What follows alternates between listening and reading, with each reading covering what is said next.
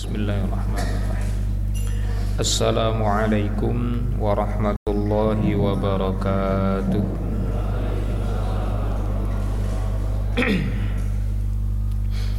Alhamdulillahi wassalatu wassalamu ala rasulillah Wa ala alihi wa ala ashabihi wa man wala Ashhadu an la ilaha illallah wahdahu la sharika lah. Wa ashhadu anna muhammadan abduhu wa rasuluhu la nabiyya wa la rasula ba'dah Amma ba'd Rabbana anfa'na mimma 'allamtana وعلمنا ما ينفعنا وزدنا علما وارزقنا فهما إنك أنت العليم الحكيم اللهم ربنا إنا نسألك علما نافعا ورزقا طيبا وواسعا وعملا متقبلا ربنا بارك لنا في رجب وشعبان وبلغنا رمضان اللهم ربنا سلمنا إلى رمضان وسلم لنا رمضان وتسلم منه منا متقبلا Allahumma amin Kaum muslimin, para bapak dan ibu yang saya muliakan di pagi hari Ahad Hari pertama Allah menciptakan langit dan bumi. Kita berjumpa kembali di pekan yang kedua bulan Maret. Dan ini sudah di 10 hari yang kedua ketiga dari bulan Sya'ban mudah-mudahan Allah Ta'ala pada pagi hari ini masih terus memberikan rahmatnya dan fadilahnya untuk kita semua yang pada kesempatan sebelumnya sudah kita singgung dengan rahmat dan fadilah itulah kita bisa beruntung di dunia dan di akhirat. Orang yang tidak mendapat rahmat, tidak mendapatkan fadilah, dipastikan dia rugi. Falaula fadlullahi alaikum wa lakuntum minal khasirin. Jika bukan karena fadilah karunia dari Allah dan rahmat atau kasih sayang dari Allah, pastilah kalian menjadi orang yang rugi. kaum muslimin rahimakumullah jarak kita dengan Ramadan sudah sangat dekat maka penting untuk kita pelajari kembali ilmu-ilmunya mengapa saya mengusulkan judulnya adalah fikih Ramadan bukan fikih puasa karena ibadah kita di bulan Ramadan bukan hanya puasa tapi banyak. Ada tarawih ada iktikaf ada kunut witir ada uh, apa namanya zakat fitrah dan lain-lain. Nanti bisa kita diskusikan berawal mungkin dari pertanyaan-pertanyaan Bapak dan Ibu.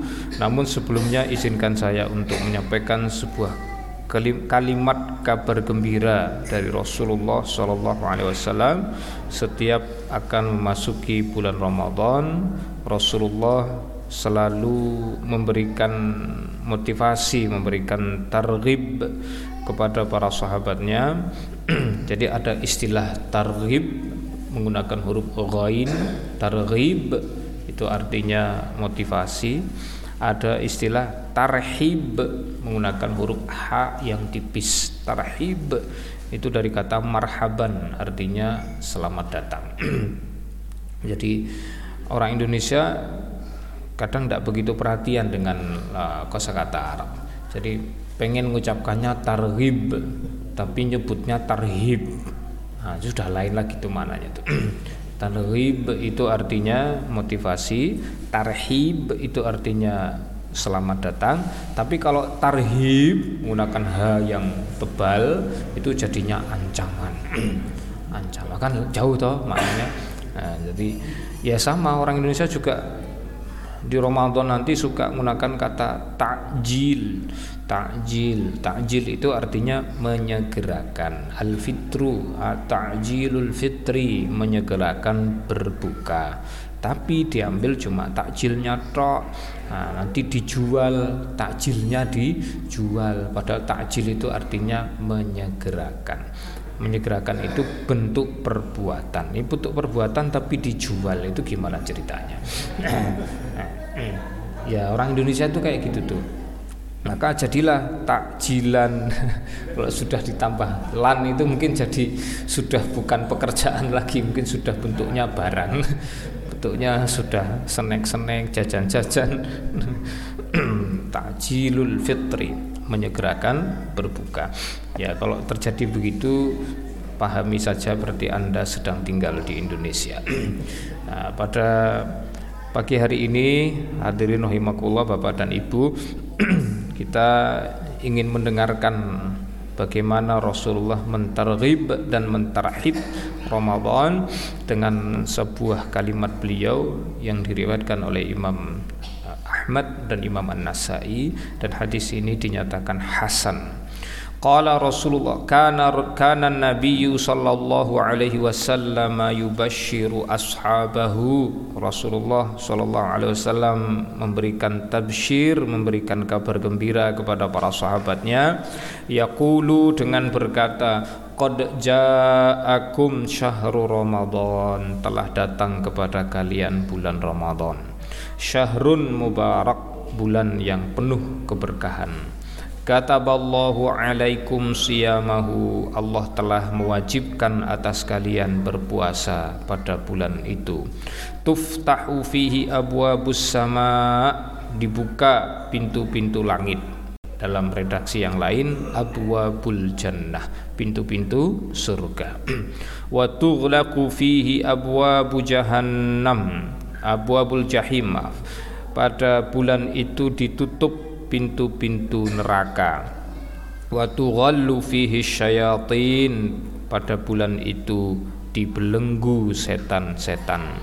Fihi lailatun khairum min alfi syahrin. Pada bulan itu terdapat suatu malam yang lebih bagus daripada seribu bulan man hurima khairaha siapa yang dihalangi mendapatkan kebaikan pada malam itu faqad hurima maka dia orang yang betul-betul tidak mendapat kebaikan. Hadis hasan riwayat Ahmad dan An-Nasai. Hadirin rahimakumullah ini kalimat Nabi dan ini kalimat kita bacakan kembali di pagi hari ini. Karena Rasulullah yang mengucapkan pasti benar. Karena Rasul yang menyampaikan pasti cocok memang itulah keadaan sebenarnya atau realita sebenarnya yang terjadi selama di bulan Ramadan. Yang pertama Rasul menyebutkan syahrun mubarak bulan yang penuh keberkahan. Pada kesempatan lalu saya lupa kapan mungkin dua kali sebelum ini kita juga membahas kata barokah bulan yang penuh berkah keberkahan paling tidak mengandung tiga unsur. Yang pertama pertumbuhan kualitas pertambahan kuantitas dan satu lagi membahagiakan. Jadi bulan Ramadan adalah bulan yang membuat kualitas kita bertumbuh membuat kuantitas pahala kita bertambah dan membuat kita bahagia. Kata Kataballahu alaikum siyamahu. Allah wajibkan kepada kita saumnya pada bulan Ramadan Ini satu-satunya ibadah yang menjadi wajib dengan adanya Ramadan adalah puasa. Yang lain hukumnya sunnah. Nanti yang satu lagi ada zakat fitrah tapi berkaitan dengan Idul Fitri bukan berkaitan dengan Ramadan. Tuftahu fihi abwabus sama atau abwabul jannah ada maknanya, ada dua maknanya. Yang pertama, paling tidak ada dua maknanya. Yang pertama adalah secara fisik pintu surga itu betul-betul dibuka. Dan yang kedua secara maknawi majazi maksudnya adalah kita dimudahkan untuk beramal yang amal itu memudahkan kita masuk surga. Artinya ibadah dimudahkan oleh Allah Ta'ala selama di bulan Ramadan. Dimudahkan itu maksudnya bagaimana? Ibadah itu kalau kita lakukan di luar Ramadan dia berat dia lebih sulit. Tapi jika dilakukan di bulan Ramadan menjadi lebih mudah. Wa tughlaqu fihi abwabul jahim. Pada bulan Ramadan pintu neraka ditutup. Ini pun maknanya paling tidak ada dua Yang pertama secara fisik memang betul-betul ditutup pintu neraka rapat-rapat oleh Allah taala dan yang kedua amalan-amalan yang mengarahkan kita menuju neraka dipersulit oleh Allah taala. Artinya orang-orang pada bulan Ramadan menjadi malas, menjadi susah, menjadi sulit untuk berbuat maksiat. Ini sarana yang Allah sediakan atau fitur layanan yang Allah sediakan selama di bulan Ramadan yang tidak kita dapatkan di bulan lain. wa tughallu fihi syayatin. Ini maknanya cuma satu setan dibelenggu yaitu secara fisik saja. Tidak ada makna majazinya memang asli betul setan diikat setan dibelenggu setan dipenjara selama satu bulan di bulan Ramadan. Eh kenapa kok masih ada yang bisa maksiat? Nah itu lain lagi itu masalahnya. Bukan karena sudah tidak ada setan tapi masih ada hal yang lain yang mengganggu kita Nah, hadirin rahimakumullah, ini saya terangkan sedikit sebelum nanti kita diskusi ya. uh, pintu surga dibuka, pintu neraka ditutup, kemudian setan dibelenggu. Ini tidak akan kita dapatkan suasana seperti ini di luar Ramadan. Ini istimewanya Ramadan. Hanya Ramadan yang seperti ini. Maka ini sebenarnya cukup untuk kabar gembira bagi kita. Seandainya yang lain-lain tidak ada, ini saja sudah luar biasa yang Allah sediakan di bulan Ramadan. Nah, begini hadirin makumullah. Uh, pada kesempatan sebelumnya saya lupa kapannya tapi saya ingat saya pernah menyampaikan Ramadan itu bulan penuh bonus dan uh, apa diskon ada diskon diskon di Ramadan itu besar-besaran di antaranya adalah diskon dosa bisa sampai 100%. Yang kedua adalah diskon tingkat kesulitan ibadah. Tingkat kesulitan ibadah selama Ramadan didiskon, dikurangi oleh Allah taala. Di bulan lain berat, di Ramadan jadi ringan. Tapi kalau ingin dilakukan di bulan lain Maksudnya setelah Ramadan dia jadi berat lagi. Saya kasih contoh. Ada ayat bunyinya la'allakum tattaquna ayyaman ma'dudat. Kenalkan dengan ayat ini? Perlu saya sebutkan ayatnya? Perlu?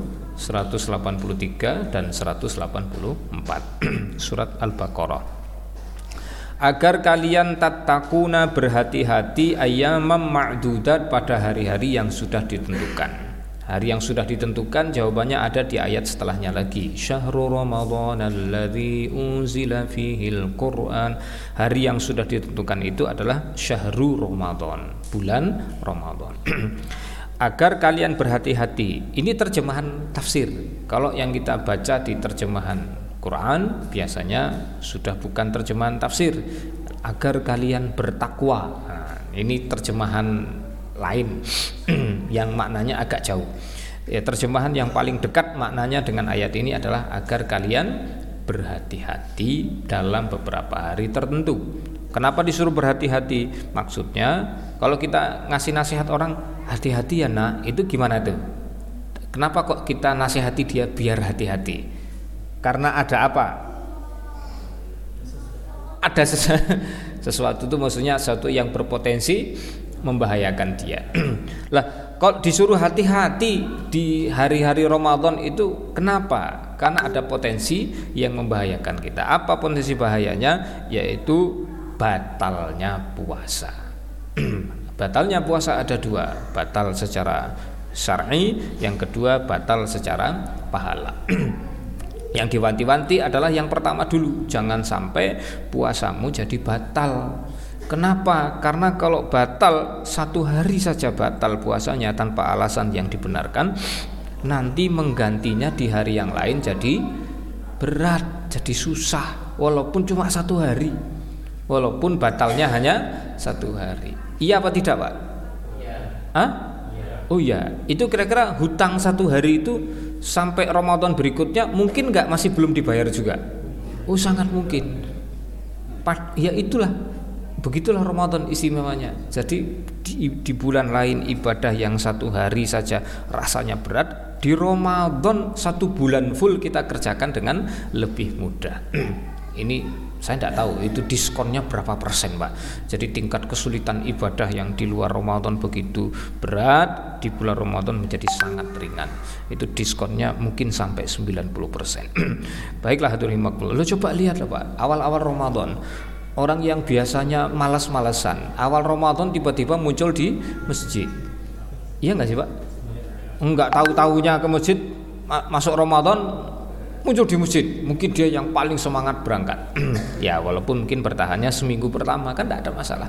Ya siapa tahu nanti di seminggu pertama itu ya mestinya di seminggu pertama ustadz-ustadz yang memberi, memberi tausiah itu diberikan eh, apa eh, tema-tema yang menarik untuk semakin memotivasi orang beribadah karena pengunjungnya sedang banyak-banyaknya baik kita lanjutkan Nanti kalau yang nusewu yang sudah pertengahan kan biasanya yang nah ini peserta yang sudah biasa nuntut ilmu. Nah, nanti kalau menjelang Lebaran gimana? Mulai rame lagi ya, mulai rame lagi. Nanti yang tausiah kasih motivasi lagi. nah hadirin rahimakumullah kita lanjutkan. Saya ulangi. Jadi ibadah di Ramadan itu menjadi lebih mudah. Dan ternyata yang mudah bukan hanya puasanya, tapi yang lain-lain ikut ketularan jadi mudah. Sholat, Bahkan sholat yang biasanya berat kita lakukan sholat tahajud itu bisa dilakukan rutin setiap malam dengan jumlah rakaat yang fantastis sampai 8 rakaat, ada yang 20 rakaat. itu di bulan di bulan lain oh dua rakaat aja rasanya sudah luar biasa. Nah, ini di Ramadan bisa 8 rakaat, 20 rakaat dan rutin setiap malam, berjamaah lagi. Coba bayangkan itu. Ini kan luar biasa. Belum lagi nanti ibadah-ibadah yang lain infak, zakat, sodakoh itu jadi lebih ringan, lebih mudah kita tunaikan selama di bulan Ramadan. Oke, kita lanjut yang kedua. Uh, saya ingin ngasih contoh lagi sebagai bukti betapa ibadah Ramadan itu mudah, di luar Ramadan jadi sulit. Apa hukuman untuk orang yang melakukan pelanggaran hubungan suami istri dengan sengaja di siang hari Ramadan? Kalau tidak sengaja gimana? Enggak sengaja? Lupa betul-betul lupa kalau dia sedang puasa. Nah kalau betul-betul lupa bagaimana? Ini kita ngaji fikih sedikit. Nah, suami istri hubungan badan siang hari Ramadan. Karena betul-betul lupa. Lupa kalau sedang puasa Ramadan. Gimana? Resikonya gimana? Batal nggak puasanya orang maksudnya orang apa Pak Atung orang lupa apa orang kalau betul-betul lupa dia sedang puasa ya kita kan tidak tahu kondisi-kondisi orang kan beda-beda beda tempat beda zaman beda waktu mungkin dia mualaf dan seterusnya. Kalau betul-betul lupa maka puasanya tidak batal. Sama seperti orang yang lupa makan lupa minum. Tapi kalau lupa makan makannya sepiring eh malah nambah lagi dua piring. Ya itu gimana gitu nah itu ada pembicaraan di kalangan ulama. Judulnya lupa tapi kok dua piring? Dua piring. Sebagian ulama mengatakan yes pokoknya kalau betul-betul lupa ya tetap nggak batal. Tapi sebagian lagi mengatakan nggak mungkin ah masa dah dua piring kok masih lupa? Itu apa tadi pak? Ngelupa pak ya. Ngelupa. Nah itu batal puasanya. Nah untuk yang tidak sengaja insya Allah puasanya tidak batal. Tapi yang sengaja ada hukuman berat. Hukuman beratnya berurutan sesuai dengan kemampuan. Kalau dia sanggup maka membebaskan budak yang beragama Islam. Kalau ada, kalau tidak sanggup, tidak sanggup karena memang tidak ada atau karena memang nggak punya uang, maka harus puasa dua bulan berturut-turut. Nah coba lihat, puasa dua bulan berturut-turut di luar Ramadan dan hukumnya wajib. Jangankan dua bulan pak, wong sehari aja berat. Ini dua bulan berturut-turut lagi batal di hari ke-45 berarti batal semuanya. Nanti ngulangi lagi dari awal. itu kan berat sekali. Maksud saya, ibadah yang di bulan lain itu berat bahkan Allah jadikan sebagai hukuman, eh di bulan Ramadan jadi lebih ringan. itu uh, kalimat uh, maksud dari kalimat tuftahu fihi abwabus samai. Jadi pintu langit atau dalam di sini maksudnya adalah pintu surga dibuka oleh Allah. Semua peluang amal soleh dibuka selebar-lebarnya, dimudahkan. Hanya satu sehingga saya cuma satu amal soleh yang terkabung dalam rukun Islam yang nggak bisa dilakukan di bulan Ramadan. Itu haji, itu tok. Boleh nggak orang berangkat haji bulan Ramadan? Wukuf di Arafah tanggal 9 Ramadan bisa Hah? haji munfaridan haji sendirian tapi nggak sah hajinya lowong haji itu sudah ada waktunya sendiri baik tapi selain haji rukun Islam yang lain kita lakukan semuanya di bulan Ramadan. Ada apa saja itu? Ya kalimat syahadat setiap hari kita mengucapkan syahadat. Kemudian sholat tiap hari kita sholat. Saum Ramadan ya nanti kita saum Ramadan. Zakat mungkin ada yang menunaikan zakat malah ada yang menunaikan zakat fitrah. Itu empat rukun Islam terkumpul semuanya di bulan Ramadan. Satu yang tidak. Uh, yang satu yang tidak pun sebenarnya bisa diturunkan sedikit levelnya dari haji menjadi umroh. Tapi yaitu kalau dari jarak yang jauh umroh biayanya juga besar. Hadirin rahimakumullah uh, kemudian ditutup pintu neraka. Kita dibuat sulit untuk bermaksiat. Tapi kenapa kok masih ada yang bermaksiat? Sudah dipersulit, setan sudah dibelenggu, kok masih bisa bermaksiat? Itu gimana ceritanya? Uh, ini sebagai penutup dari saya penjelasan ini. Nanti silakan diskusi setelahnya. Yang pertama para ulama seperti Imam Al Ghazali menyebutkan set, uh, setan itu eh, maaf musuh di tubuh kita ini di internal kita ada dua yang pertama hawa nafsu kita sendiri ini sudah bawaan lahir yang kedua adalah setan Dua musuh kita ini punya karakter yang berbeda.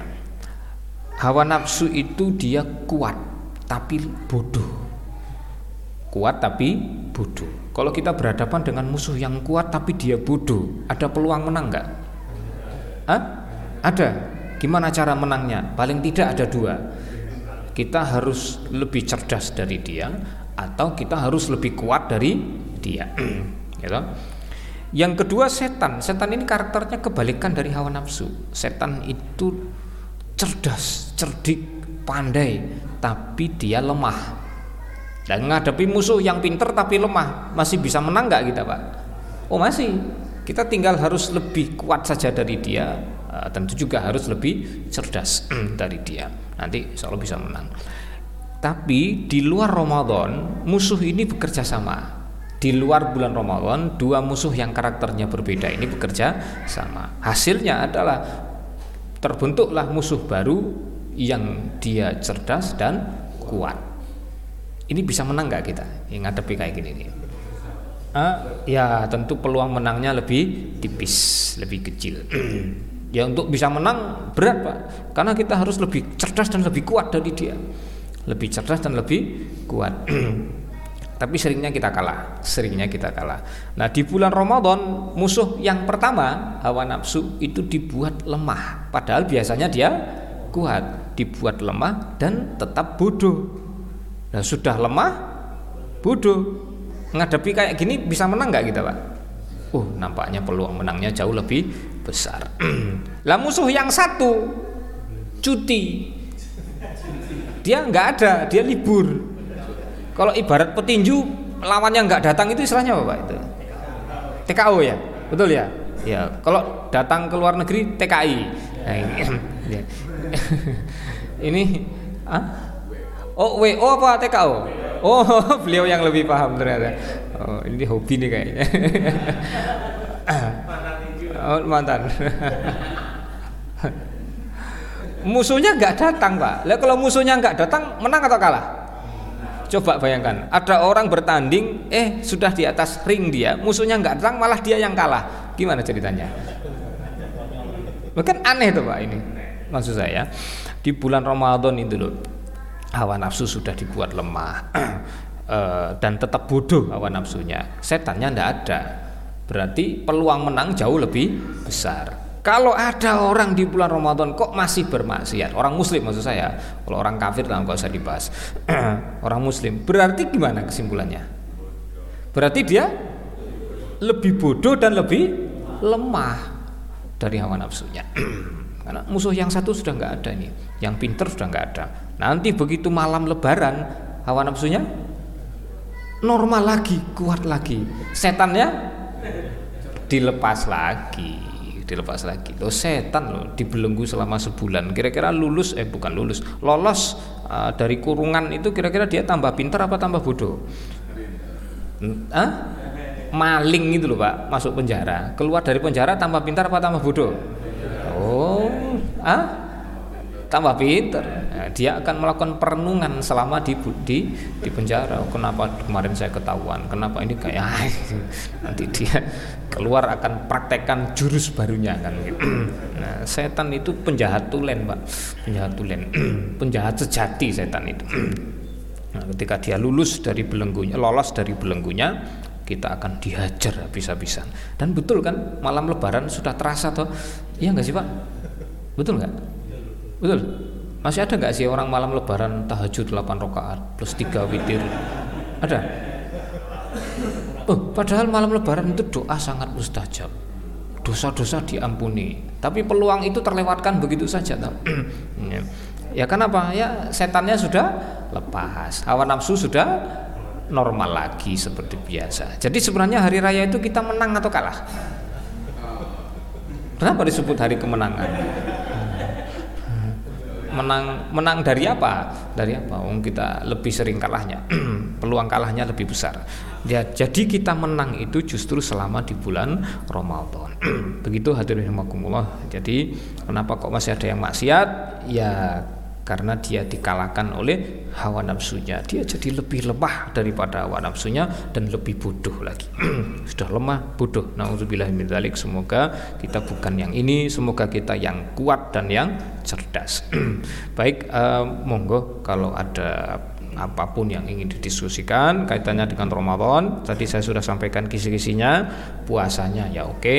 Tarawihnya juga silakan. Nanti ada iktikaf ada kunut witir di pertengahan kedua Ramadan.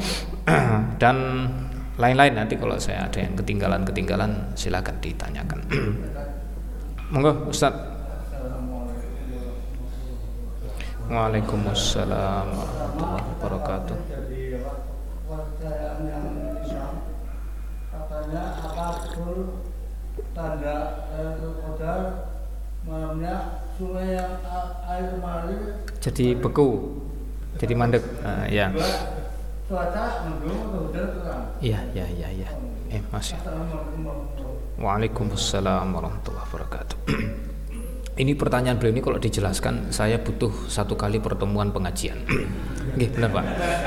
Karena kita akan bahas satu surat yaitu inna anzalnahu fi lailatul qadar. Tapi saya coba jawab dengan singkat ringkas. Kalau di ayat di dalam ayat eh, tanda Lailatul Qadar itu tidak Allah sebutkan secara spesifik tapi hanya isyarat saja. isyarat saja yaitu pada kalimat ayat yang berbunyi eh, tanazzalul malaikatu warruhu fiha biizni rabbihim min kulli amr. Itu itu isyarat tentang keadaan kondisi malam itu. Malaikat semuanya yang di langit turun ke bumi bahkan termasuk malaikat Jibril alaihissalam ini isyarat dari Allah taala. Sekarang saya tanya Pak. Uh, merasakan perubahan suasana nggak di waktu subuh ini dan di waktu asar apa perubahannya? Suasana apa yang kita rasakan di waktu subuh ini? Dari subuh saat kita bangun sampai kita sholat subuh terus sampai menjelang matahari terbit, apa suasana yang kita rasakan? Ya bukan suasana eh, mataharinya bukan, kalau itu ya jelas belum terbit. Suasana apa? Suasana hati kita gimana? Ah, damai, tenang. Nanti asar gimana? Kemenusuk. Pulang kerja asar menjelang maghrib kita sudah sholat asar. Kalau saya merasakan itu juga ada kemiripan suasananya kembali damai lagi. Kalau siang kan panas. Nah kenapa kok bisa begitu? Saya coba menghitung. Ini kalau hitungan saya salah ya mohon dimaafkan. Rasulullah mengatakan dalam sebuah hadis yang sahih setiap pagi dan sore malaikat itu malaikat petugas pencatat amal melaporkan tugasnya kepada Allah taala. Pagi dan sore Sedangkan di kita, setiap kita, petugas mencatat amalnya ada berapa? Dua. Itu berarti kalau pagi dan sore mereka melaporkan, sedangkan para malaikat ini berangkat dari bumi menuju titik mereka melaporkan tugasnya, itu butuh waktu selama satu hari. Seperti dalam kalimat ayat, ta'rujul malaikatu warruhu ilaihi fi yaumin kana miqdaruhu khamsina alfasana ada di ayat 4 surat al-ma'arij. Malaikat malaikat-malaikat dan malaikat Jibril menghadap kepada Tuhannya maksudnya menuju lokasi yang Allah perintahkan mereka untuk melaporkan tugasnya itu butuh waktu yaum satu hari. Satu hari di situ dari pagi sampai sore. Atau dari sore sampai pagi. Bukan 24 jam. Kemudian kalau jarak itu ditempuh oleh manusia butuh waktu selama khomsina alfasana 50 ribu tahun. Jadi waktu satu hari yang ditempuh malaikat tadi kalau ingin ditempuh manusia manusia membutuhkan waktu selama 50 ribu tahun dengan kendaraan tercepat yang bisa mereka buat. Kebayang nggak jaraknya pak? Nah malaikat petugas pencatat amal itu begitu berang kalau dia petugas malam, kan petugas malam sama petugas siang, dua shift. Sehari ada dua shift. petugas malam, petugas siang. Petugas malam itu berangkatnya dari lokasi mereka sana di langit itu pagi. Nanti nyampe sini sore. Ke, kebayang ya Pak? Hah? Oh jauh Pak, jauh Pak. Masya Allah jauh, jauh. Ya, petugas siang berangkatnya dari sana malam. Atau ya malam. Sore sore. Sore nanti nyampe sini subuh. Karena dua shift dan pergantiannya dua kali dua kali ya itu pergantiannya di waktu subuh dan di waktu asar. Jadi malaikat petugas pencatat amal yang uh, shift malam itu subuh belum berangkat. Tapi petugas siang subuh sudah datang. Petugas pencatat amal siang asar dia belum berangkat. Tapi petugas pencatat amal yang bertugas malam asar menjelang maghrib dia sudah nyampe di bumi. Kebayang gak sih pak? Jadi subuh dan asar itu malaikat petugas pencatat amal ini dua-dua shiftnya berkumpul bareng di bumi. Yang bertugas yang bertugas sebelumnya belum berangkat petugas setelahnya sudah datang. Paham betul Kebayang, kebayang? Nah, sekarang kita hitung. Kalau satu orang ada dua malaikat, berarti sebumi ini ada berapa malaikat? Hmm, manusia di bumi hari ini berapa jumlahnya? 8 miliar. Data terbaru 8 miliar. 8 miliar. Berarti 8 miliar. Ya toh? Kali 4. 4. Kan malaikatnya 4. Dua shift kan? Berarti berapa toh? 3, 32 ya 32 miliar malaikat yang berkumpul di saat subuh dan saat asar. Ada ter, terjadi perubahan suasana? Ya ya jadi enggak masih masih longgar lah masih longgar. Coba jenengan bayangkan kalau di suatu malam ini semua malaikat penghuni langit turun ke bumi pak. Masya allah bukan bukan pagi sore dok tapi semalaman kalau pagi sore itu durasinya sebentar paling cuma satu jam. Asar ya cuma satu jam. Ini semalaman full. Mereka semuanya berkumpul di bumi bukan 32 miliar. Nggak tahu saya jumlahnya berapa. Itu terjadi perubahan suasana nggak malamnya?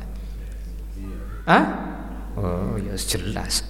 Cuman masalahnya ini tergantung kepekaan hati kita masing-masing. Untuk merasakan ada suatu malam di bulan Ramadan yang suasananya sejak matahari terbenam sampai hatta matla'il fajar sampai terbit fajar itu sangat berbeda dengan malam-malam yang lain walaupun sama-sama di bulan Ramadan. Ada satu malam sampai di sini nyambung nopo Nah, ini isyarat dari Allah taala. Adapun dari hadis-hadis Nabi, hadis yang sahih saya belum menemukan, tapi yang ada hadis hasan. Hadis hasan tentang ciri malamnya.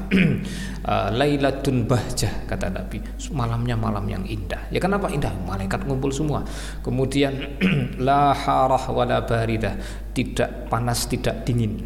Jadi suasananya tidak panas membuat kita sumuk, tidak dingin membuat menggigil. Itu gimana tuh Pak? Ya ya sejuk aja. Suasananya sejuk aja. Nah, so sejuk. Kemudian nah ini ini ini yang nggak enak ini yang kalimat lanjutannya.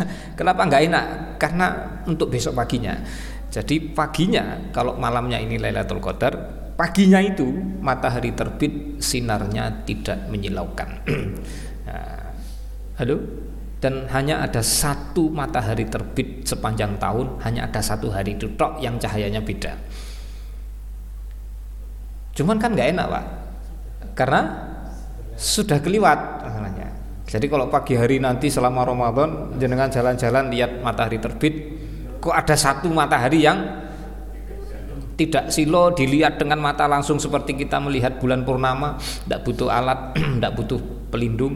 Berarti tadi malam. Ya kalau tadi malamnya ibadah. Kalau tadi malamnya ah, ronda tidur semalaman misalnya. Ya ya keliwat sudah. Jadi mengecewakan. Adapun keterangan seperti yang Ustadz Syaroni sampaikan, uh, apa tadi sungai berhenti alirannya pohon sujud oh, macam-macam ini para ulama menyebutkan uh, ini hoax pak. Ini hoax. Itu nggak bisa dipercaya. Itu hoax. Kalau alam bisa Oke, padahal cuma bahas satu ayat kan, jadi sudah panjang. Jadi kalau kita bahas total tentang Lailatul Qadar, berarti bahasnya dari awal. Tapi tidak apa-apa lah sedikit-sedikit mungkin nanti lain waktu bisa kita tuntaskan di lain waktu. Silakan yang lain.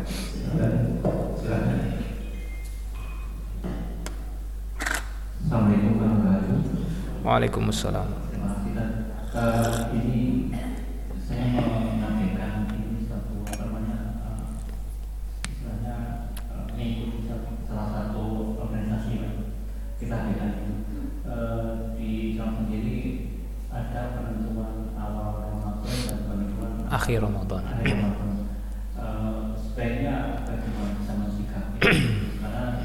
sering di Iya. Ini pertanyaan berat ditanyakan dan berat dijawab. Yang jawabnya lebih berat. Tapi kalau dulu pertanyaan begini gampang jawabnya. Mudah sekali karena para ulama sudah tuntas membicarakannya, memperbincangkannya komplit dengan khilafiah-khilafiahnya dalam kitab-kitab mereka ribuan tahun yang lalu. Ya 1200 tahun yang lalu sudah selesai pembahasan ini. Tapi jadi sulit untuk dibahas kembali karena ya kondisi dan situasi hari ini. yang pertama, ini yang pertama. Negeri kita ini adalah negeri dengan penduduk muslim terbesar di dunia. Lebih dari berapa sekarang Pak penduduk muslimnya? 200 berapa juta? 80-an ya, 280 juta. Tidak ada negeri muslim di dunia yang penduduk muslimnya sebanyak itu tidak ada. Itu negara-negara teluk itu dikumpulkan jadi satu dengan Indonesia masih masih lebih banyak penduduk muslim Indonesia. dengan tetangga kita Malaysia apalagi dengan Brunei wah berlipat-lipat kita jauh lebih banyak oke betul pak tapi masalahnya kita tidak pernah dengar di Malaysia itu terjadi perbedaan hari raya. Di Brunei terjadi perbedaan hari raya. Apa pokok masalahnya? Di sana pak ada mufti pak. Mufti. Tahu mufti? Apa mufti? Uh, alim ulama mujtahid yang diakui oleh negara kemudian diangkat sebagai mufti resmi. Kalau Malaysia berarti mufti kerajaan Malaysia Brunei berarti mufti kesultanan Brunei dan muftinya bermadhab syafi'i Malaysia itu muftinya madhabnya syafi'i karena negeri Malaysia bermadhab syafi'i Brunei juga sama, rata-rata negeri Melayu bermadhab Syafi'i. Brunei juga begitu, muftinya bermadhab Syafi'i. Jadi kalau seorang mufti resmi sudah berfatwa, maka perbedaan-perbedaan pendapat ulama jadi nggak ada artinya. Betul? Perbedaan pendapat ulama hanya dibukukan masuk masuk buku, masuk ruang-ruang penelitian, iya, tapi di tataran praktek nggak dipakai. Karena yang bisa dipakai hanya yang sudah di fatwakan secara resmi. Maka penduduk muslim warga muslim tidak akan berbeda pendapat. Karena sudah ada fatwa. Lah Indonesia ini loh negeri dengan penduduk muslim terbesar tapi nggak ada mufti. Ada hanya Dewan Fatwa MUI tapi bukan mufti satu orang itu kumpulan beberapa orang. Ada dewan fatwa di ormas masing-masing. Di NU ada di Muhammadiyah ada di Al Irsyad ada di beberapa organisasi punya dewan mufti. Tapi itu hanya untuk hanya internal anggotanya saja untuk kalangannya sendiri saja. Tidak berlaku umum untuk seluruh penduduk muslim Indonesia. Jadi sebenarnya eh, pangkal permasalahannya di mana? Pemimpin. Jadi pemimpin di sini mestinya mengangkat seorang mufti untuk menyelesaikan masalah-masalah kaum muslimin. Selama mufti tidak ada, ya begini hasilnya. Kita akan selalu beda saja. Nah, dan itu sebenarnya enggak enggak enggak enggak enggak enak, enggak nyaman. Masa tinggal di satu RT yang sama hari rayanya bisa beda. Kalau zaman dulu apa terjadi? Terjadi perbedaan hari raya, tapi sudah antar negara, bukan antar antar RT antar negara. Satu di Hijaz Mekah Madinah satu di Syam. Beda pendapat hari raya wajar saja. Nah, tapi kalau ini satu RT bahkan satu rumah aja ada yang beda beda raya. Eh ada pak ya? Ada. Dan bahkan itu suami istri loh masya Allah. Saya pernah dapat laporan seorang warga pengajian saya, seorang ibu. Ustadz, Ustadz lebarannya kapan? Ini kok suami saya lebarannya hari ini? Loh. Mana nanya Istri mestinya ikut suaminya apa ikut ustaznya? ikut suaminya. Masa suami istri beda madhab? Kan aneh. Mestinya istri ikut madhabnya suami itu menyelesaikan masalah. nah, beda ustad. Oh iya mungkin ya. Ya ustadnya beda ngaji dengan istrinya.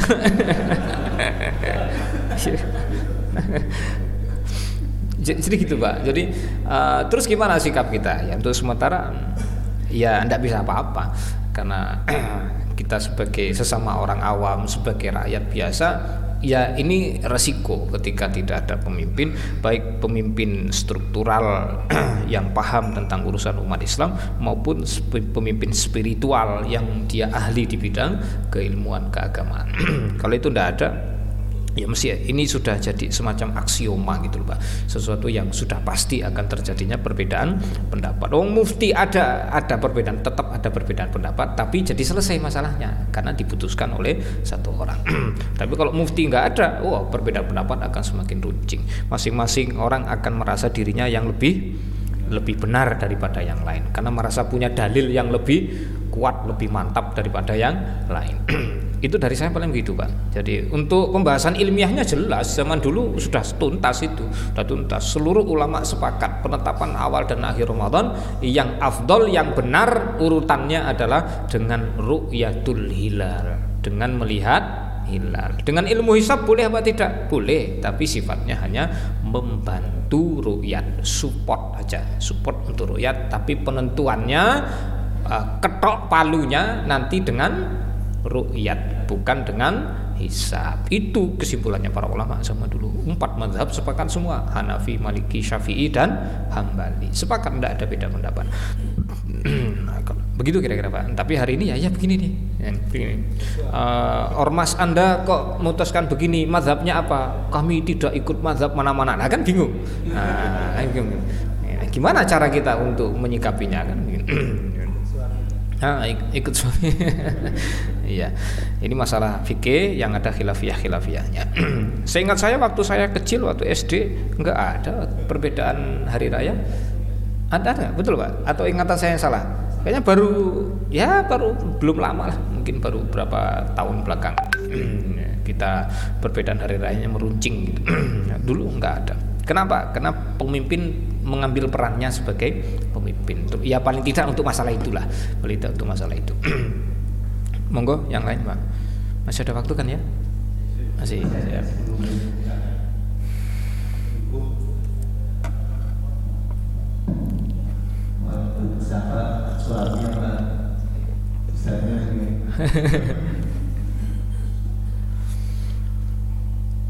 nggak ada yang nanya tentang tarawih ya selanjutnya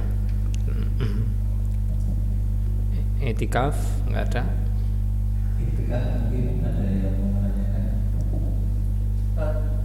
Oh, Ustaz Roni lagi, monggo. Iya. Yang tarawih 23 7 menit. Hah? Hah? Iya.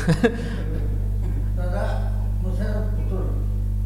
Tak kembali mereka sering pintar-pintarnya ya kan bacanya ada atakid atasin atadir atadir iya jadi maka kita jangan menilai secara benar tanpa ilmu iya tanpa penelitian tak penelitian mereka baca betul Iya iya. iya. Oke, makasih.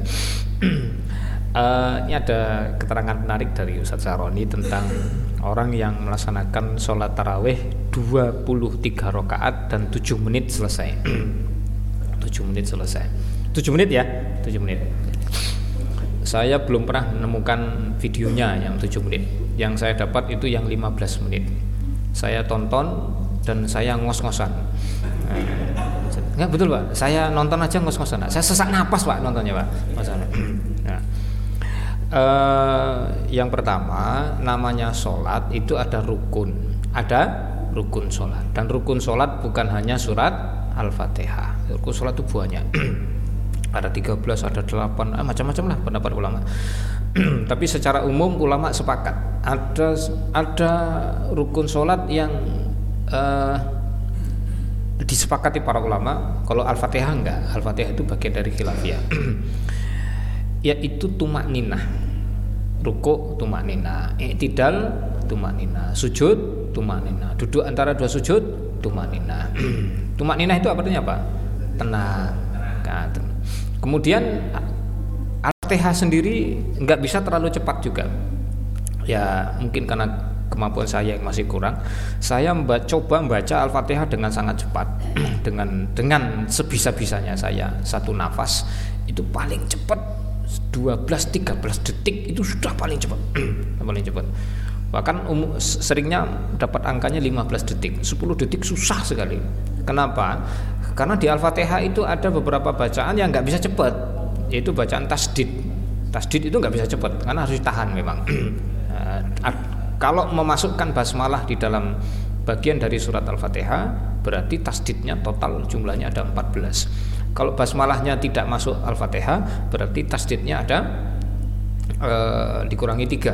Berarti ada 11 untuk tasdid saja butuh waktu sepersekian detik untuk tasdidnya yang ditahan itu. Bismillahirrahmanirrahim. Itu enggak bisa dibaca. Bismillahirrahmanirrahim. Enggak sah Al-Fatihahnya.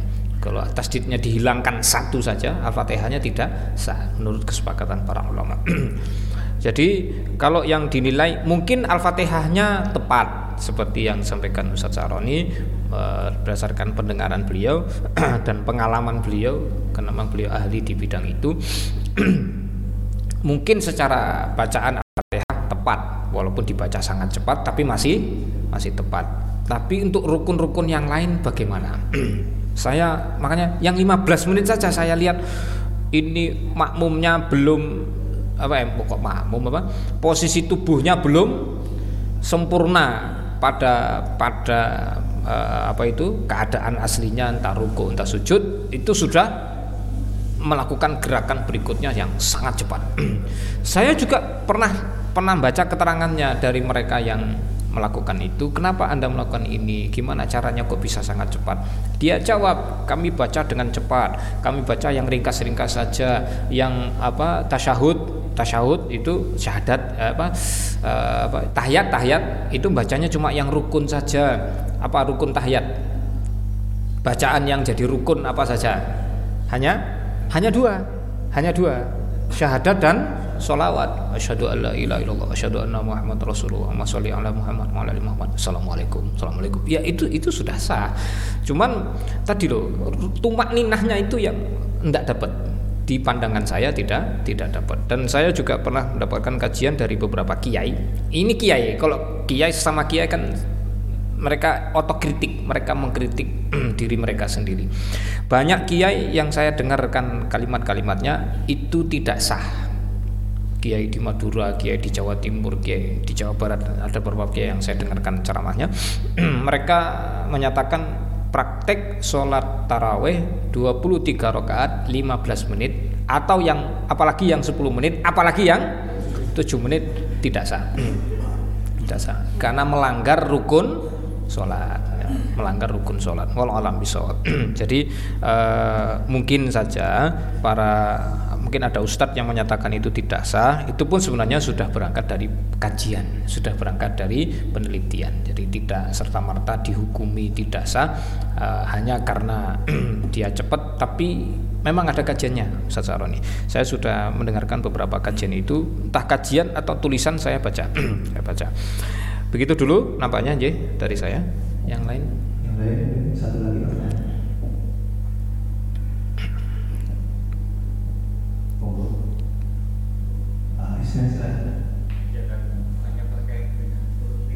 Kunut witir yang ditanyakan apa?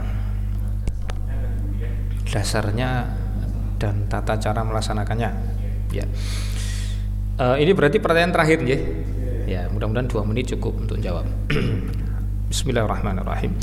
Kunut witir, kunut artinya tenang. witir adalah sholat witir. Kunut berarti eh, tempat khusus untuk berdoa di dalam sholat. Yang sholatnya di sini adalah sholat witir. Untuk kunut witir, eh, para ulama boleh dikatakan ini adalah kesepakatan, terutama yang separuh kedua bulan Ramadan. Adapun untuk kunut subuh, buh khilafiahnya tajam sekali. Untuk kunut nazilah paling sedikit khilafiahnya. Yang ada khilafiahnya kunut witir ada tapi tetap ada benang merah, benang merahnya. ada irisannya. Tapi kalau kunut subuh susah untuk didamaikan susah. Kunut subuh itu susah, Pak. Lu coba bayangkan. Hanafi mengatakan kunut subuh haram. Atau Maliki sunnah, Syafi'i sunnah muakkad, hampir wajib malah. Hambali makruh. Loh gimana damaikannya coba? Susah damaikannya terutama antara Syafi'i dengan Hanafi. Satu haram satu sunnah muakkad. Ini kan nggak nyambung.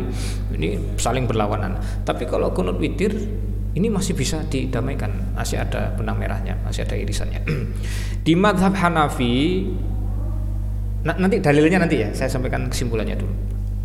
Di madhab Hanafi kunut witir itu hukumnya wajib dan dilakukan setiap malam baik Ramadan maupun di luar Ramadan setiap malam. Jadi siapa pun yang bermadhab Hanafi kalau dia sholat witir di malam hari maka wajib ada kunutnya. Kalau enggak dia berdosa. Oke. Di Maliki kunut witir itu sunnah sama dengan Hambali nah, sunnah. sunnah e, cuma di Maliki hanya dari eh, ya dan di Maliki itu hanya dari separuh kedua Ramadan saja mulai malam yang ke-16 sedangkan di Hambali kunut witir sudah dianjurkan disunahkan sejak malam yang pertama Ramadan malam pertama. Dan ini saya akhirkan yang di Syafi'i saya akhirkan. Di madhab Syafi'i kunut witir sunnah muakkad sama dengan kunut subuh. Dan itu pun hanya separuh kedua Ramadan. Nah irisannya di mana? Itu yang separuh kedua Ramadan itu irisannya. Jadi di Hanafi ya itu wajib, di Maliki itu sunnah, di Han, di mana? Di Hambali itu juga sunnah, di Syafi'i sunnah muakkad. Enggak ada yang mengatakan makruh, enggak ada yang mengatakan haram. Berarti kesimpulannya kunut witir di separuh kedua Ramadan kesepakatan. Semua ulama mengamalkan, mau madhab apa pun mengamalkan. Artinya mau anda berada di ormas mana pun, mestinya yang ini ini kita seragam kita sama. Ya, karena para ulama dalam hal ini sepakat. Bedanya hanya menetapkan hukumnya saja. Yang kedua perbedaannya eh, sebelum ke tata cara mungkin dalilnya dulu. Dalilnya adalah hadis sahih yang eh, dari sahabat Hasan bin Ali radhiyallahu anhu beliau mendapatkan keterangan langsung dari Nabi SAW dari kakeknya sendiri. Ini hadisnya sahih nanti jangan bisa cek di pembahasan kunut bahwasanya Rasulullah mengajarkan kepada beliau untuk tidak meninggalkan kunut dalam sholat witir. Dan doanya adalah nih doanya langsung dari Nabi nih doa resmi. Allahumma apa doanya? Oh ketahuan nggak pernah kunut jangan apa doa kunut? Allahumma dini fiman hadait wa afini fiman afait. Ini untuk pribadi tapi kalau ngimami nggak boleh begitu doanya. Kalau ngimami harus diganti kata gantinya Allahumma dina fiman hadait wa afina fiman afait. Kan nggak boleh orang berdoa untuk orang banyak tapi dia mendoakan dirinya sendiri. Orang lain disuruh ngamini. Wah itu urik namanya. Nah, itu hukumnya makruh, Pak. Betul, Pak. Di pembahasan fikih sholat jamaah hukumnya makruh tuh. Ada imam berdoa untuk dirinya sendiri, makmumnya disuruh ngamini. Wah ini ini makruh hukumnya nggak boleh. nah, dia, ya egois itu, urik itu nggak boleh. Baik. Uh, itu dalilnya pak, dalilnya itu. Itu aslinya untuk kunut witir. Doa yang tadi itu, Allahumma dini atau Allahumma dina itu untuk kunut witir. Tapi di kemudian hari dipakai juga untuk kunut subuh. Jadi kunut subuh itu nyontek kunut witir. Paham betul nggih? Bukan kunut witir yang nyontek kunut subuh jangan dibalik, jangan dibalik. Walaupun yang terkenal kunut subuh, tapi yang uh, apa uh, aslinya itu kunut witir, itu doa kunut witir. Uh, untuk tata caranya beda-beda pendapat. Di Hanafi dan Maliki kunut itu kunut bukan hanya kunut witir, kunut subuh, kunut witir, kunut nazila itu lokasinya uh, posisinya ada di sebelum ruku. Jadi baca Al-Fatihah dulu, terus surat, setelah suratan kunut. Setelah kunut baru ruku. Ini di Hanafi dan Maliki. Sedangkan di Syafi'i dan Hambali kunut kunut itu setelah ruku seperti yang kita lihat di banyak negeri kita.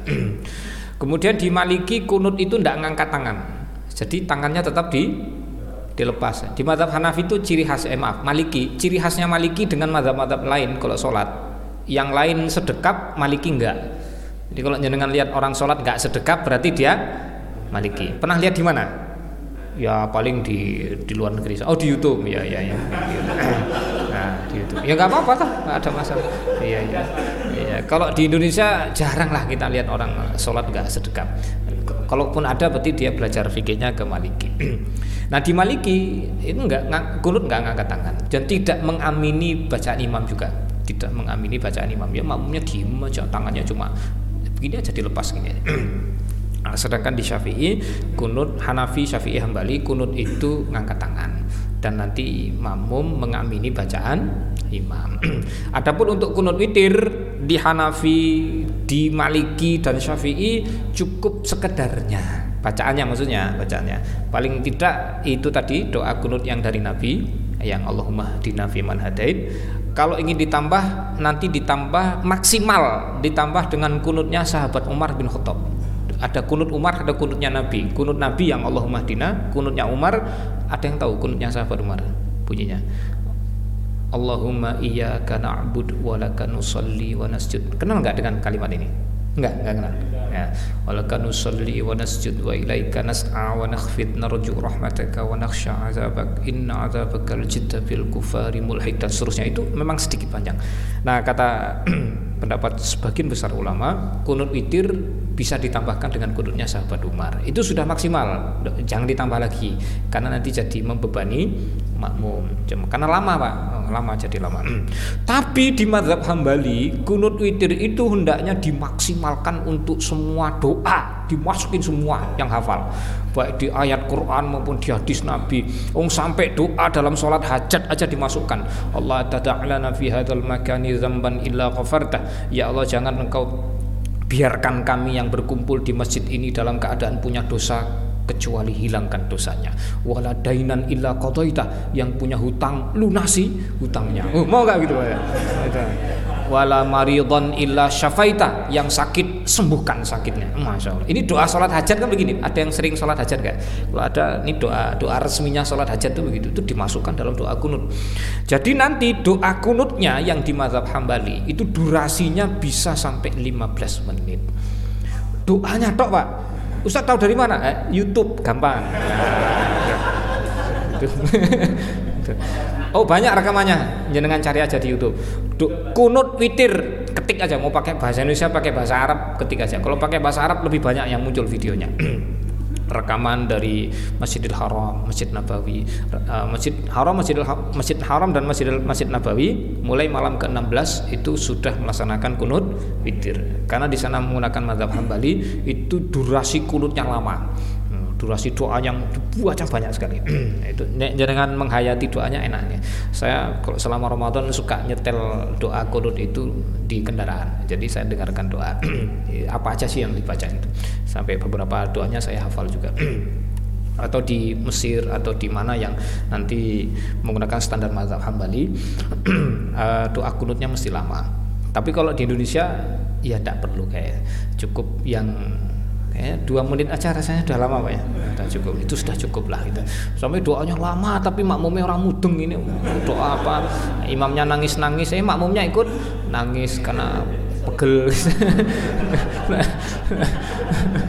Ya kan nggak pas gitu Pak. Kalau orang Arab sholat pada nangis kan, ya mudeng mereka. Ya paham apa yang diomongkan, apa yang diminta itu mereka paham. Nah, ah, ya nangis beneran. Di sini mungkin nangis tapi batinnya yang nangis. nah, ya gitulah kira-kira. Jadi untuk uh, ini kaidah dalam sholat berjamaah. Kalau sholat belum dilaksanakan, mau sholat wajib, sholat sunnah, sholat berjamaah maksud saya sama, maka imam ikut makmum. Paham betul? Tapi kalau sholat berjamaah sudah dilaksanakan, maka makmum yang ikut imam. Paham nggak maksudnya nih Pak? Ya, jadi nanti imamnya mau ngapa-ngapain nanti ketika sholat itu harus sepengetahuan makmum. Oh nanti saya mau sujud apa tilawah. Ya makmumnya dikasih tahu dulu, jangan tiba-tiba dia sujud. Nanti makmumnya kan jadi pada subhanallah, subhanallah. Kasih tahu dulu apalagi yang ibu-ibu yang di belakang kan nggak tahu toh uh, imamnya sujud ibunya ruku kan nggak sinkron nanti jadinya ya. makanya imam manut makmum itu dikasih tahu dulu. Atau nanti mau baca surat yang agak panjang makmumnya dikasih tahu dulu biar makmumnya rela ridho mengizinkan. Nanti saya baca surat ini ya. Oh jangan Ustaz terlalu panjang. Ya udah turunkan standarnya. Eh betul pak. Nanti oh kan bahas fikih sholat berjamaah empat madhab sama apa bahasanya? Hanafi Maliki Syafi'i Hambali. Imam harus izin dulu kepada makmum untuk kadar bacaan sholatnya. Tidak boleh imam memutuskan sendiri karena nanti akan menyakiti makmum. Oh iya bener. Orang kok kalau nggak belajar fikih ya nanti kayak gitu jadinya. Nah begitu Tapi kalau sholat sudah dilaksanakan Berarti makmum Oh mau tidak mau manut. Imam. Nggak boleh kecepatan makmum tidak boleh mendahului imam baik gerakan maupun bacaan atau posisi. Posisi di depan imam ya batal lah sholatnya makmum. Nah, makmum bergerak lebih cepat dari imam batal pula sholatnya makmum. Dan juga nggak boleh terlambat. Nggak boleh kecepatan nggak boleh terlambat. Terlambat menurut sebagian ulama tidak uh, boleh sampai terlambat lebih dari dua kali rukun.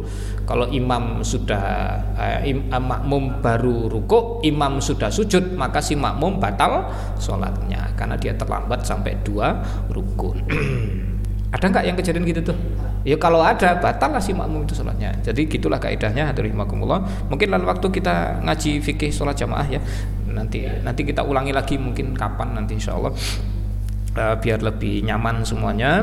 Imamnya nyaman makmumnya juga nyaman.